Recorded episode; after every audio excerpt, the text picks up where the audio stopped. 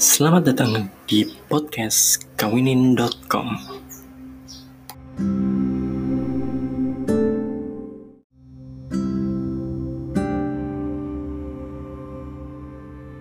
Assalamualaikum warahmatullahi wabarakatuh. Hari ini adalah hari ke 21 sharing sehari 5 menit dan hari ini saya mau sharing mengenai bahwa rumah tangga itu sepaket.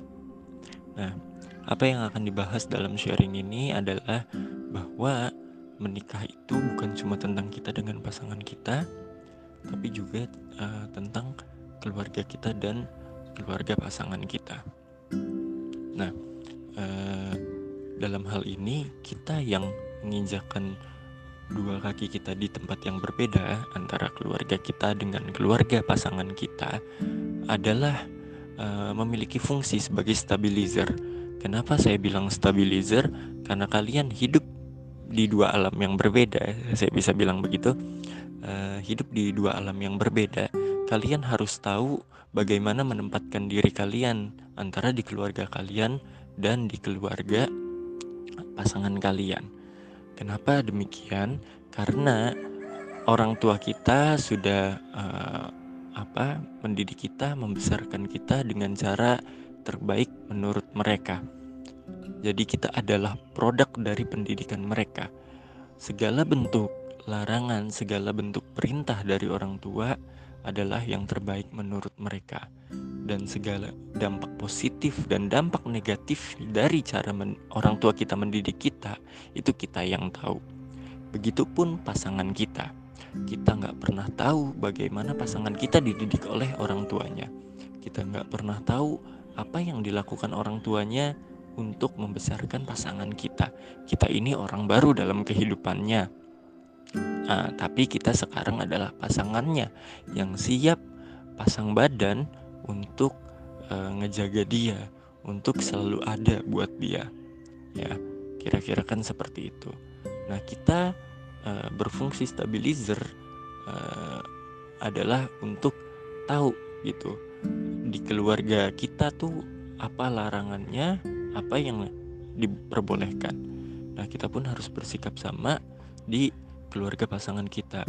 Mana yang dilarang mana yang uh, diperbolehkan. Nah ini kita mesti banyak ngobrol sama pasangan kita apa kebiasaan dalam rumah tangga uh, mereka. Dalam hal ini mereka sebagai anak kita harus tahu gimana cara orang tua kamu ngedidik kamu apa aja sih yang sering dilakukan orang tua kamu? Hal apa yang berpesan supaya kita tahu uh, bagaimana kita uh, menyikapi atau menanggapi mertua kita termasuk ipar-ipar kita? Karena nikah itu kan satu paket bukan cuma tentang kita sama pasangan kita tapi sama keluarga. Kita harus tahu kita harus bisa kontrol. Bahkan kalau misalnya uh, yang terberat adalah ada problem uh, di antara dua keluarga itu pastinya ada problem di antara kalian berdua Gak mungkin gitu tiba-tiba dua keluarga ini punya problem tanpa ada kalian yang punya problem sebagai pasangan. Jadi masalah akan besar jika kalian mengeluarkan masalah dari lingkungan kalian dalam hal ini keluarga kecil kalian.